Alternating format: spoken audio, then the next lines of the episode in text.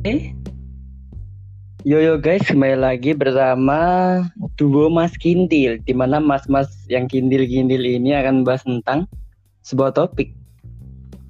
Oke, kita lanjut aja guys.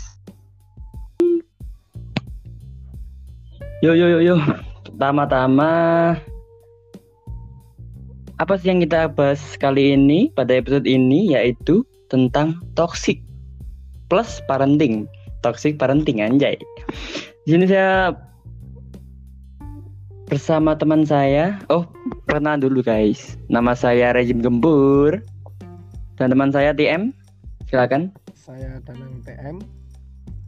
Suara Anda kok kecil ya? Ya, kali ini pembahasan kita adalah toxic parenting. Apa sih? Eh, suara, suara, suara Anda kecil, Bung. Apa sih kira-kira toxic parenting itu? Bang Rejim? Eh, suaramu cilik, Cuk. Iya dah. Sumpah. Nah, Iya. Kurang kurang kurang gede anjing. tes tes tes Sak mono. Gasken. tes tes ah. Kurang ditingkas.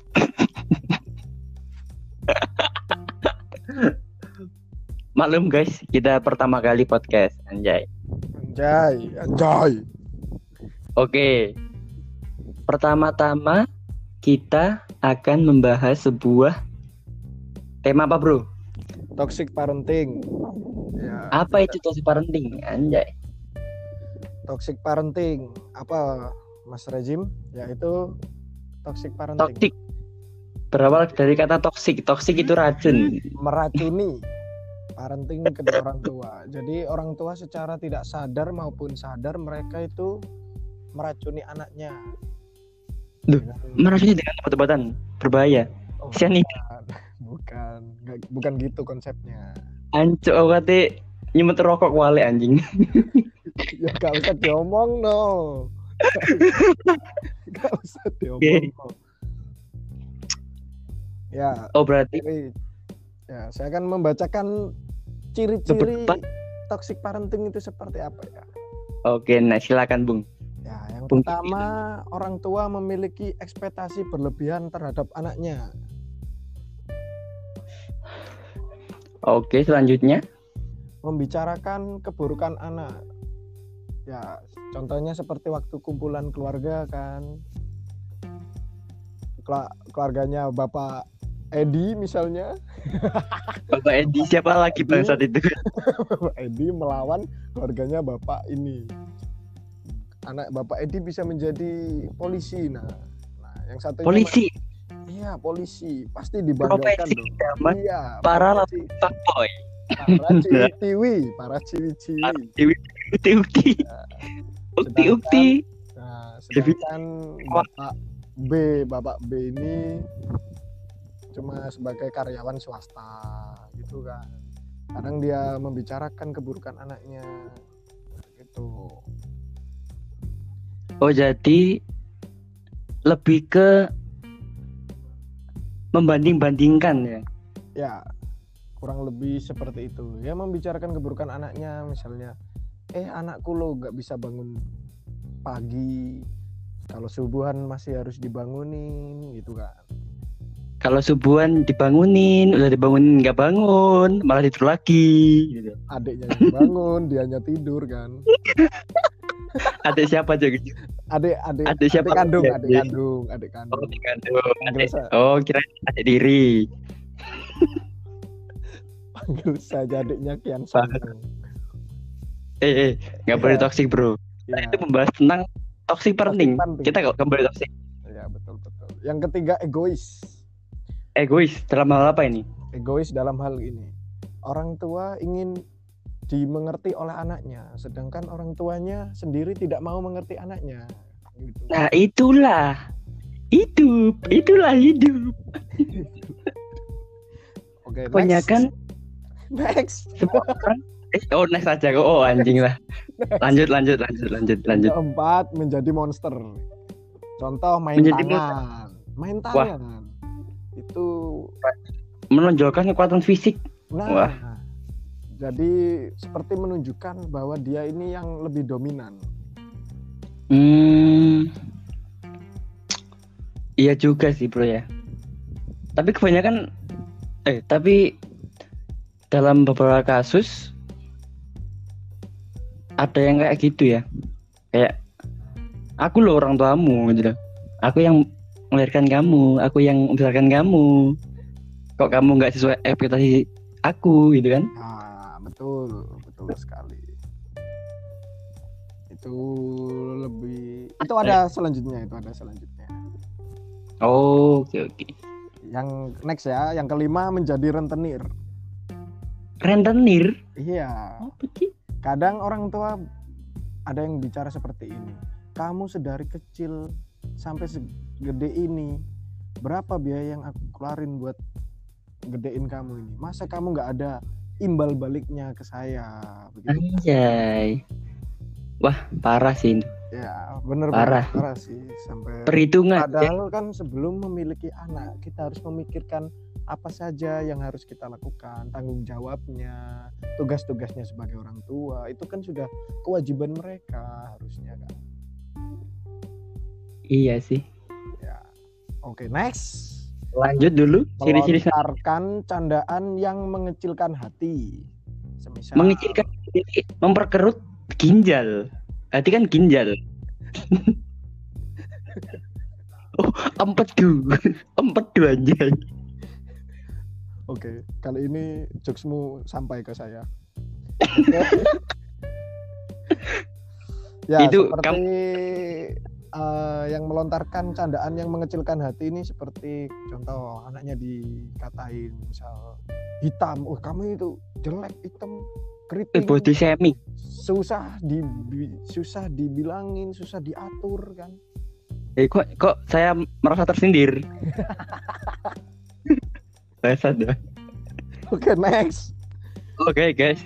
yang ketujuh selalu menyalahkan anak Nyalakan. ya Oh, berarti menjudge, menjudge anak Ya. sendiri. betul betul betul yang kedelapan pilih kasih nih ini nih pasti ada Hmm. anak emas pasti ada anak emas kecuali anak anak semata wayang ya kecuali anak semata wayang. Kayaknya Yang semata wayang gitu kan. Wah, anakku satu-satunya iya dimanja-manja. jadi kan nggak bisa nggak bisa dibanding-bandingkan kan anaknya cuma satu habis itu udah kan bisa kan. Kamu putih kayak ayah kamu. Loh, ka- kamu kok hitam? Anak siapa kamu ya? Hmm. ya itu pasti adalah seperti itu yang lanjut yang terakhir mengatur terakhir. target dan tujuan anak jadi Oh. kebanyakan orang tua itu berpikiran anak adalah investasi jangka panjang Wes ah kak kuat bro. Utak Atau- kuat ya. Ekonomi ekonomi gak kuat tapi. atau penebusan dosa dari orang tua semisal orang tuanya dulu daftar angkatan atau daftar polisi dia nggak Hmm. bisa habis itu dia ingin anaknya jadi seperti eh, dia mau anaknya mewujudkan cita-cita yang nggak sampai diwujudkan oleh orang tuanya padahal Belum anak memiliki memiliki jalannya masing-masing jalan ninjanya masing-masing kan Berarti bisa dibilang mengekang, apa? Eh, tidak lebih lebih mengatur, nah padahal mengatur nah, sesuai dengan harapan orang Nah. tuanya. betul. Susah tuh. Nah, nah efek negatifnya nih, jika anak itu pendiam, kebanyakan eh, saya mengetahuinya itu anak pendiam berusaha untuk membahagiakan orang tuanya. Jadi otomatis mau gak mau dia mengikuti arul alur yang diberikan oleh orang tuanya. Kalau kayak gitu bisa jadi nggak diberi kebebasan dong ya sebagai seorang individu ya, ya kan? Nah, betul betul. Lah, betul sekali itu. Padahal seharusnya oke. sosok orang tua kan menjadi payung untuk anaknya. Jadi tempat aman buat Hmm. anak-anaknya. Tapi nama orang tua sendiri tuh udah kayak diskriminasi, Bro. Orang tua berarti orang dituakan harus menuruti kata orang tua kan kayak gitu gitu kan gimana ya? Ya, Eh, ya cocok ah, sih kayak kasus kali ini ya, ya ya, ya, betul betul betul Ciri-ciri kayak- selanjutnya. Ah, udah ini efek negatifnya udah masuk ke efek negatif Oke. kalau anaknya tipikal pemberontak jadi mereka otomatis akan menjadi anak yang pembangkang kepada orang tuanya Anak pemberontak ini gimana, Bro? ya mereka tidak cocok dengan eh, perilaku atau eh, tindakan-tindakan yang dilakukan oleh orang tuanya ini jadi Oh, berarti anak ini cenderung eh, sering menonton One Piece, bajak laut ini cita-citanya pasti.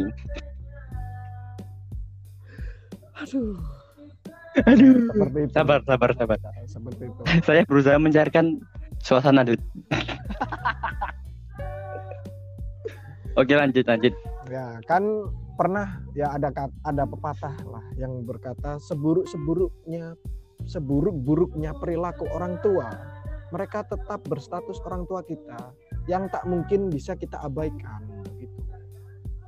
Iya juga sih. Jadi kita diposisikan ya seperti serba salah gitu.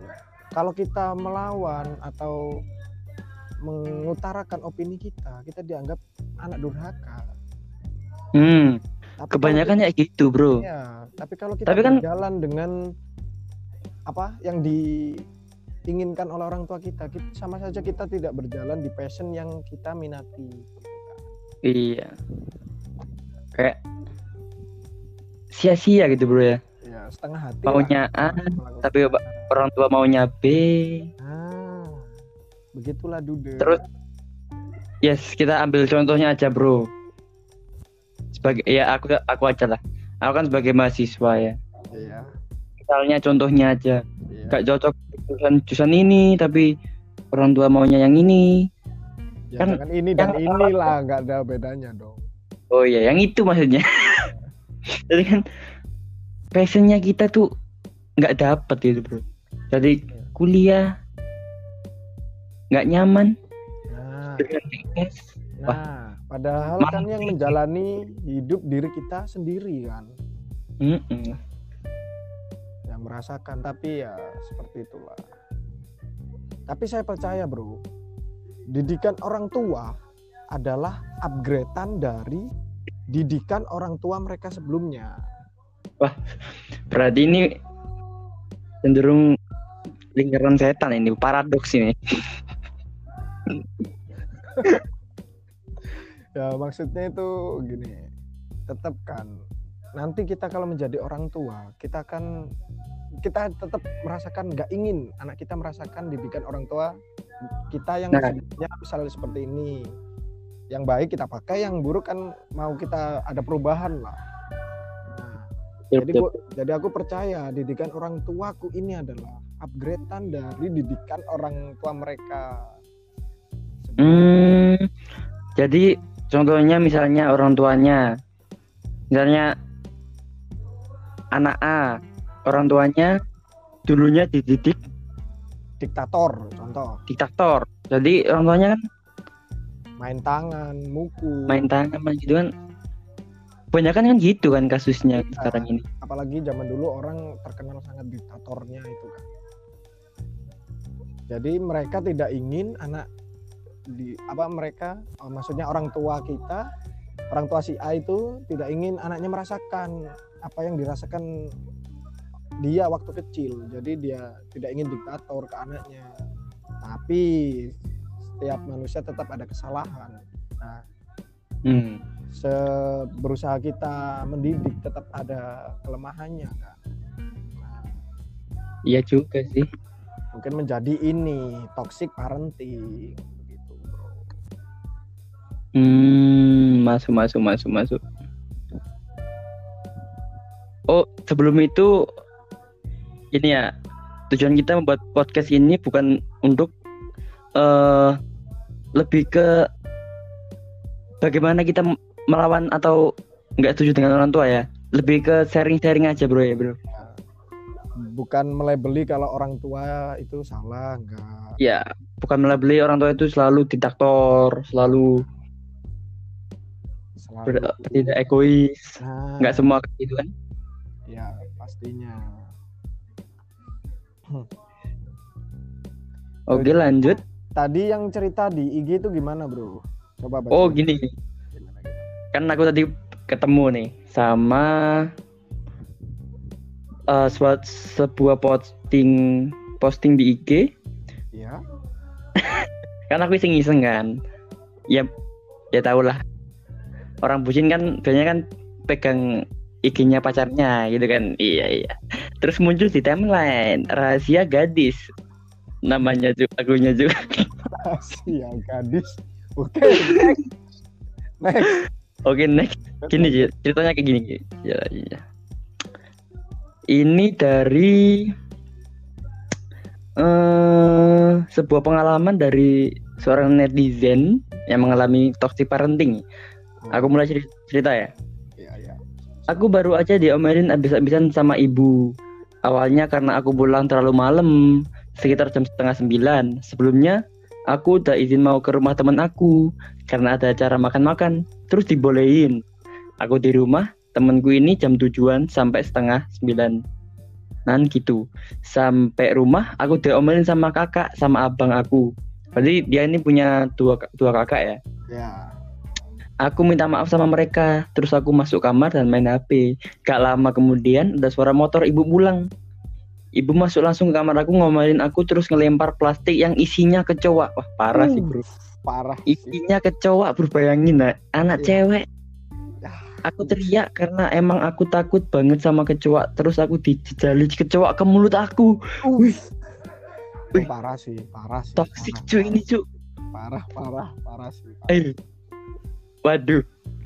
Aku nangis di kamar sesak napas kayak orang mau mati karena takut itu sama kecoa. Dari kamar aku dengar ibu ngomong. Lihat aja, gak bakal ibu kasih dia les bahasa Inggris kuliah di luar kota. Wah ini jelas jelas bicara sama kedua kakaknya palingan. Oh iya, ya. Paling. Habis pandemi, pengen ibu masukin dia ke rumah sakit jiwa. Loh, ke rumah sakit jiwa. Ibu kalau marah sama aku selalu aja nyebut kata itu.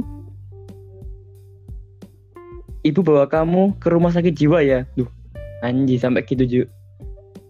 Saking capeknya dengar kata itu, pernah aku jawab omongan ibu yang itu.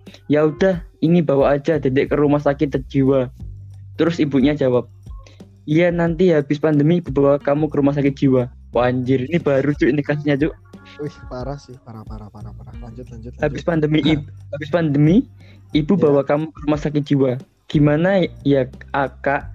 Aku sakit hati banget sama omongan-omongan ibu saking sakitnya aku gak bisa nangis ngeluarin, ngeluarin air mata tapi rasanya sesak banget dada. Wah, Uff, parah sih itu. Relate sih. Nangis. Ah, pernah gak sih lu Cuk? Pengen nangis tapi gak bisa nangis. Wah, itu parah. Sesatnya itu sampai ah, sampai ketul. Oke lanjut. Masih ada lanjutannya? Aku sampai udah ada rencana pengen banget bunuh diri. Wah, Cuk, sampai bunuh diri Cuk. bahaya sih, bahaya sih. Kalau sampai beneran aku gak dibolehin kuliah di luar kota Jogja. Oh ini bertempatan Oh, Jogja. Oh, Jogja. Karena niat aku mau nenangin diri di sana. Aku mau berobat, aku mau sembuh dari semuanya. Aku gak mau terus-terusan sakit kayak hati kayak gini. Wah ini berarti pengalamannya ini bukan kasusnya ini bukan sekali aja, Cuk. Oh iya. Dari Katanya- kecil. Iya. Dikit-dikit diancam Terus- mau dimasukin ke Iya. rumah sakit jiwa kan. Iya, aku memang nakal, tapi bukan pengaruh dari teman-teman kok. Teman-teman aku semuanya baik, mereka tahu kalau aku sering dipukul. What? Anjay, dipukul tuh. Gila sih, gila gila gila. Main tangan. Mereka main yang tangan. bantu aku buat luapin masalah di rumah.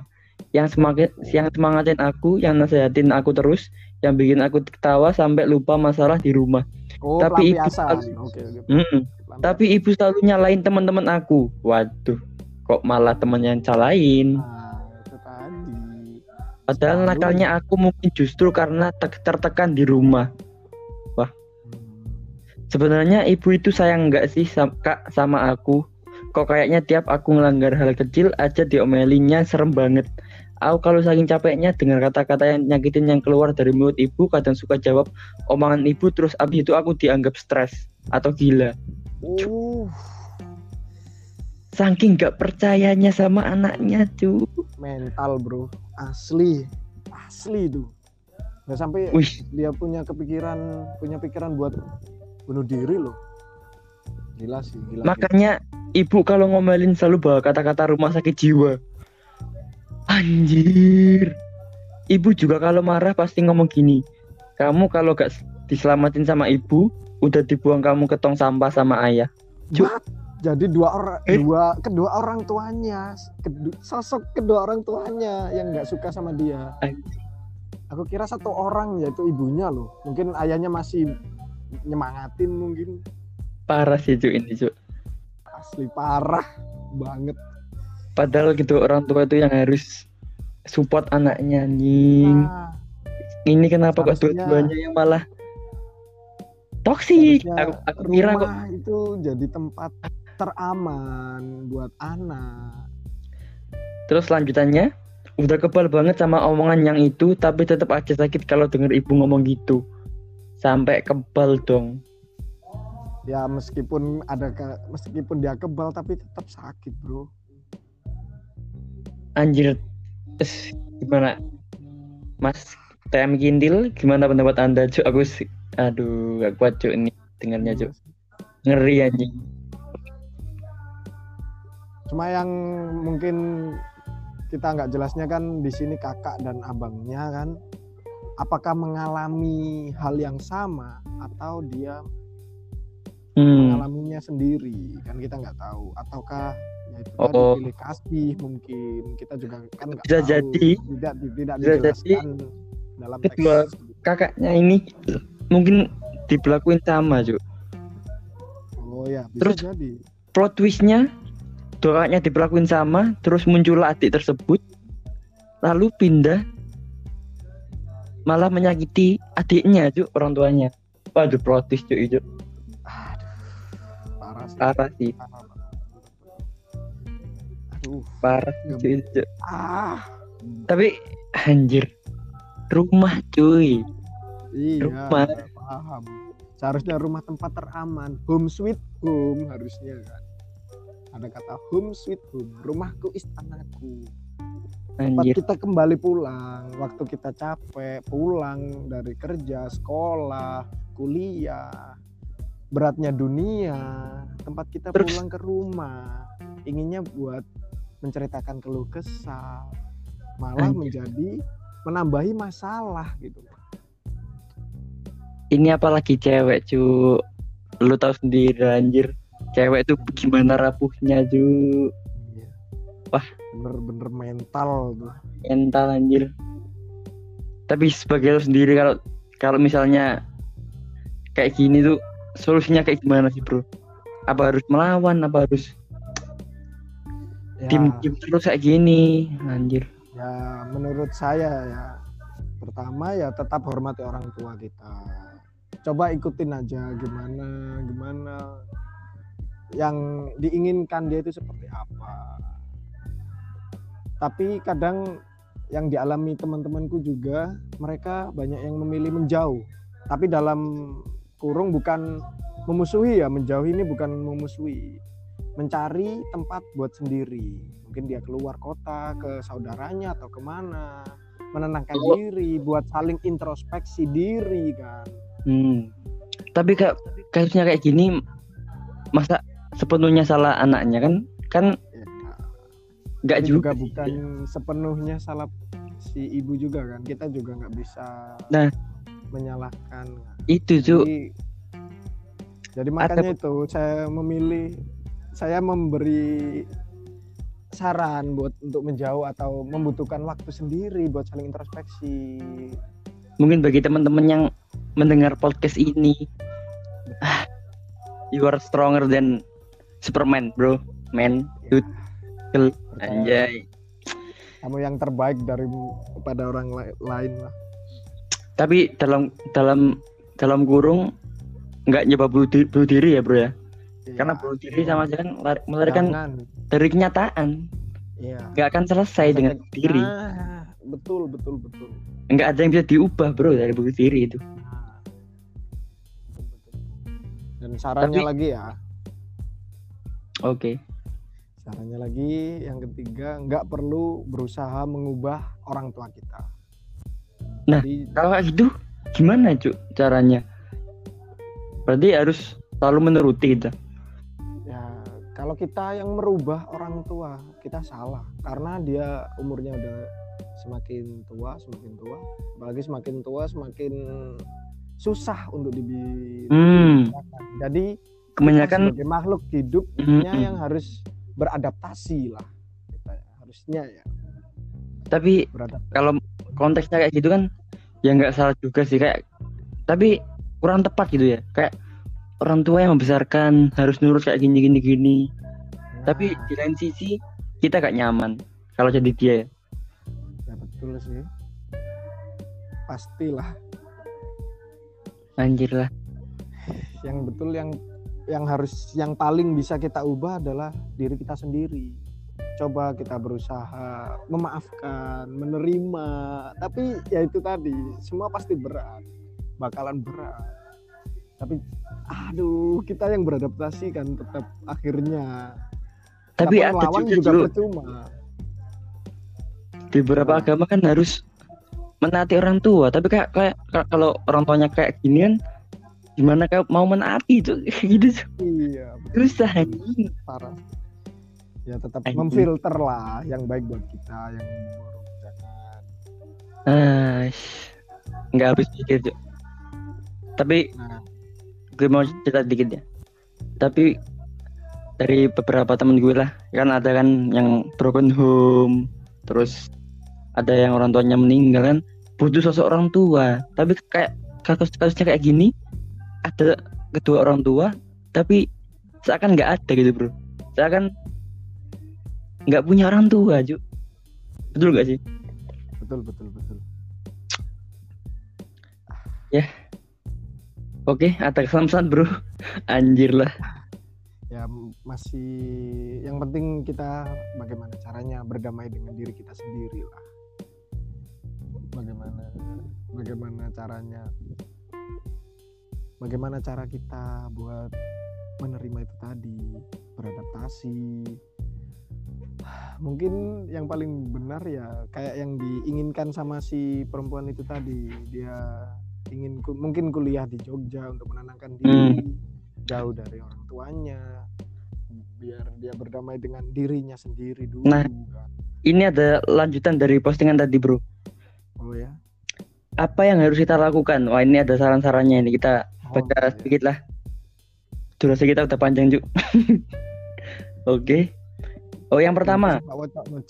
Kamu perlu menyadari bahwa memang kewajiban orang tua untuk membesarkan anak dengan baik memenuhi kebutuhan anak dan memberi rasa aman. Rasa aman bro. Garis bawahi loh ya.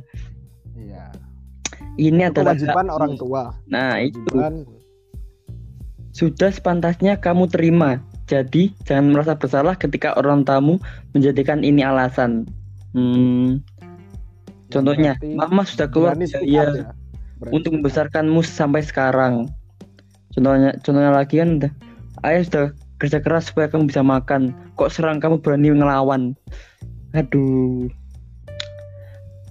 Stop, eh, stop feeling, stop feeling guilty. Apa itu artinya, bro? Stop feeling guilty Eh, merasa takut Hmm. Ketika merasa takut, seorang, merasa berdosa ya. ketika seorang memutuskan punya anak, sudah seharusnya bertanggung jawab kan? Wah, nah Ya jelas sih, itu ya jelas sih, bro. nah itu Jangan yang cuma tidak dilakukan sama orang tua si anak tadi yang ceritakan jangan cuma cerot nggak tanggung jawab. Anjir lah bangsat emang.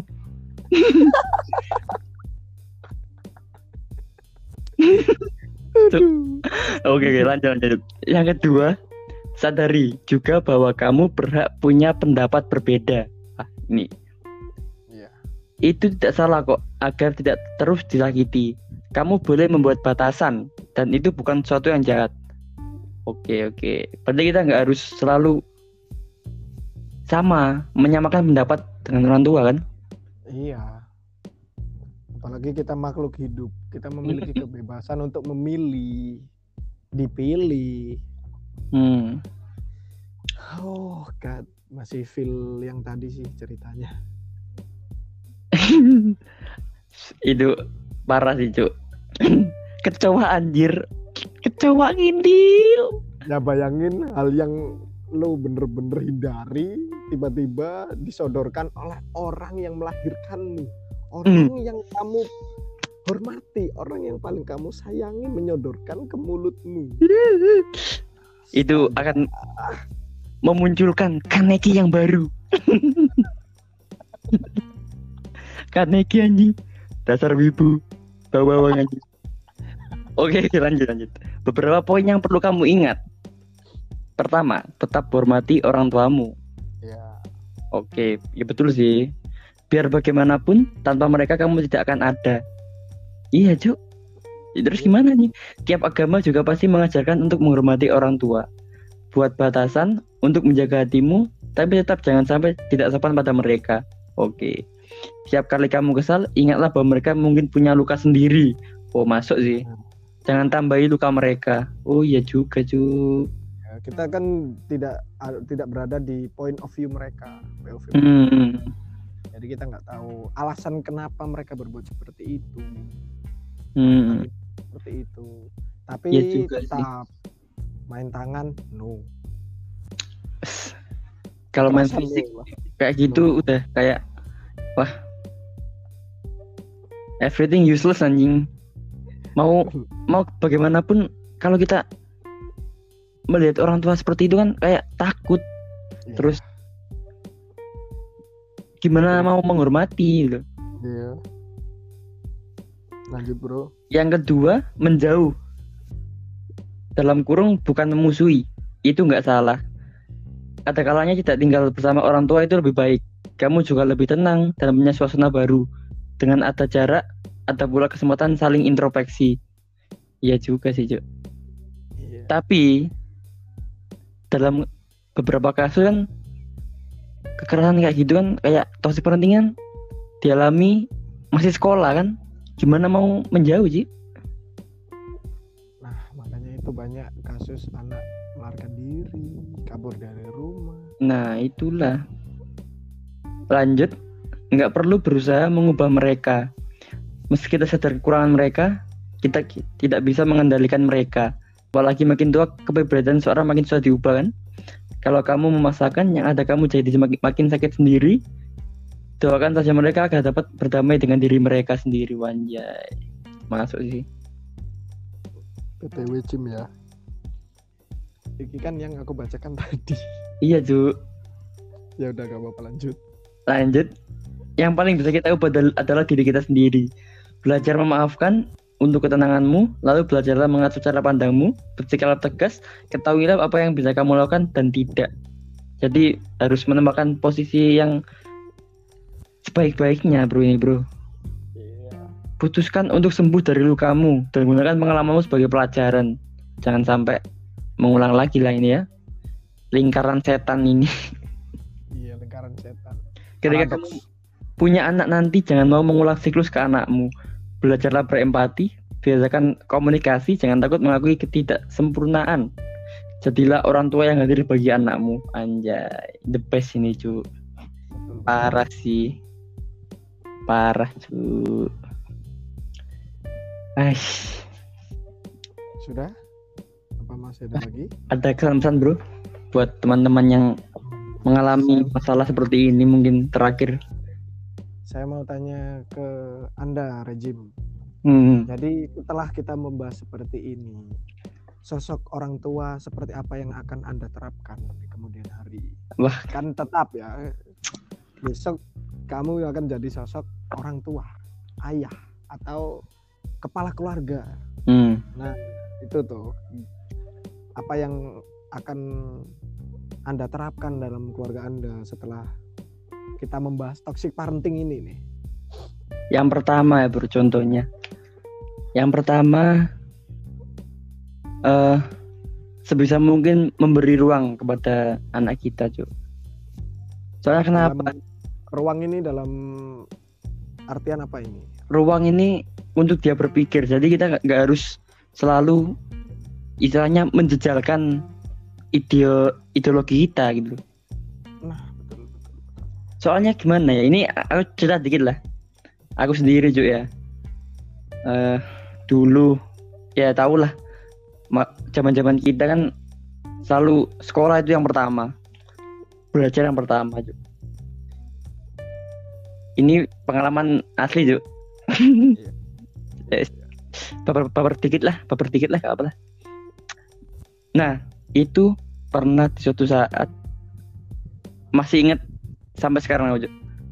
Iya. sampai-sampai ruang kamarku karena suatu s- kalau nggak salah kelas SD Cuk.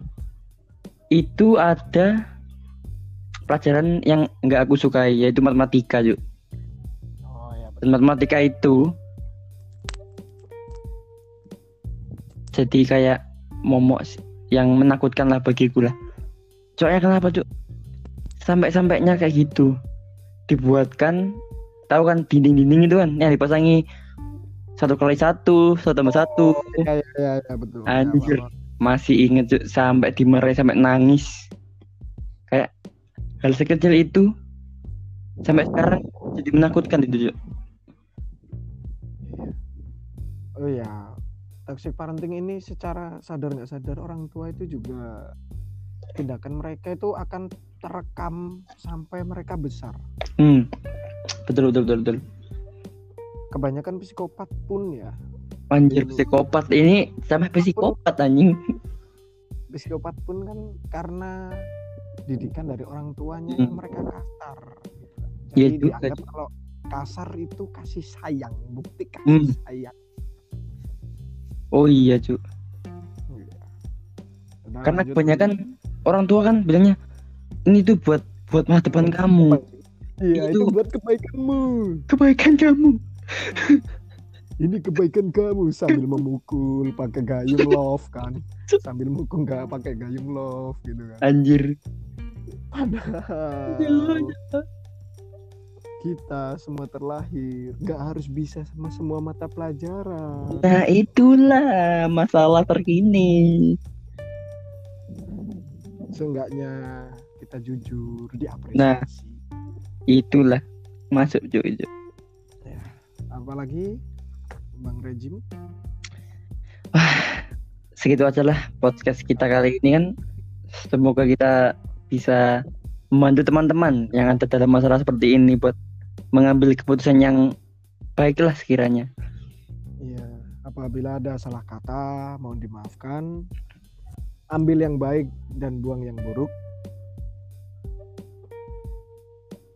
lepas yang dulu ambil yang depan apa Nggak jelas anjing kintil lah emang kita itu mas mas kintil dua mas kintil gitu selalu Kintil. kintil oke gitulah semoga teman-teman terhibur dan juga mendapatkan pengalaman dan wawasan baru. Terakhir saya Rajim Gembur kintil. Dan Danang Tirtana di Mahendra Kintil. selamat jumpa di episode selanjutnya. Oke. Bye bye.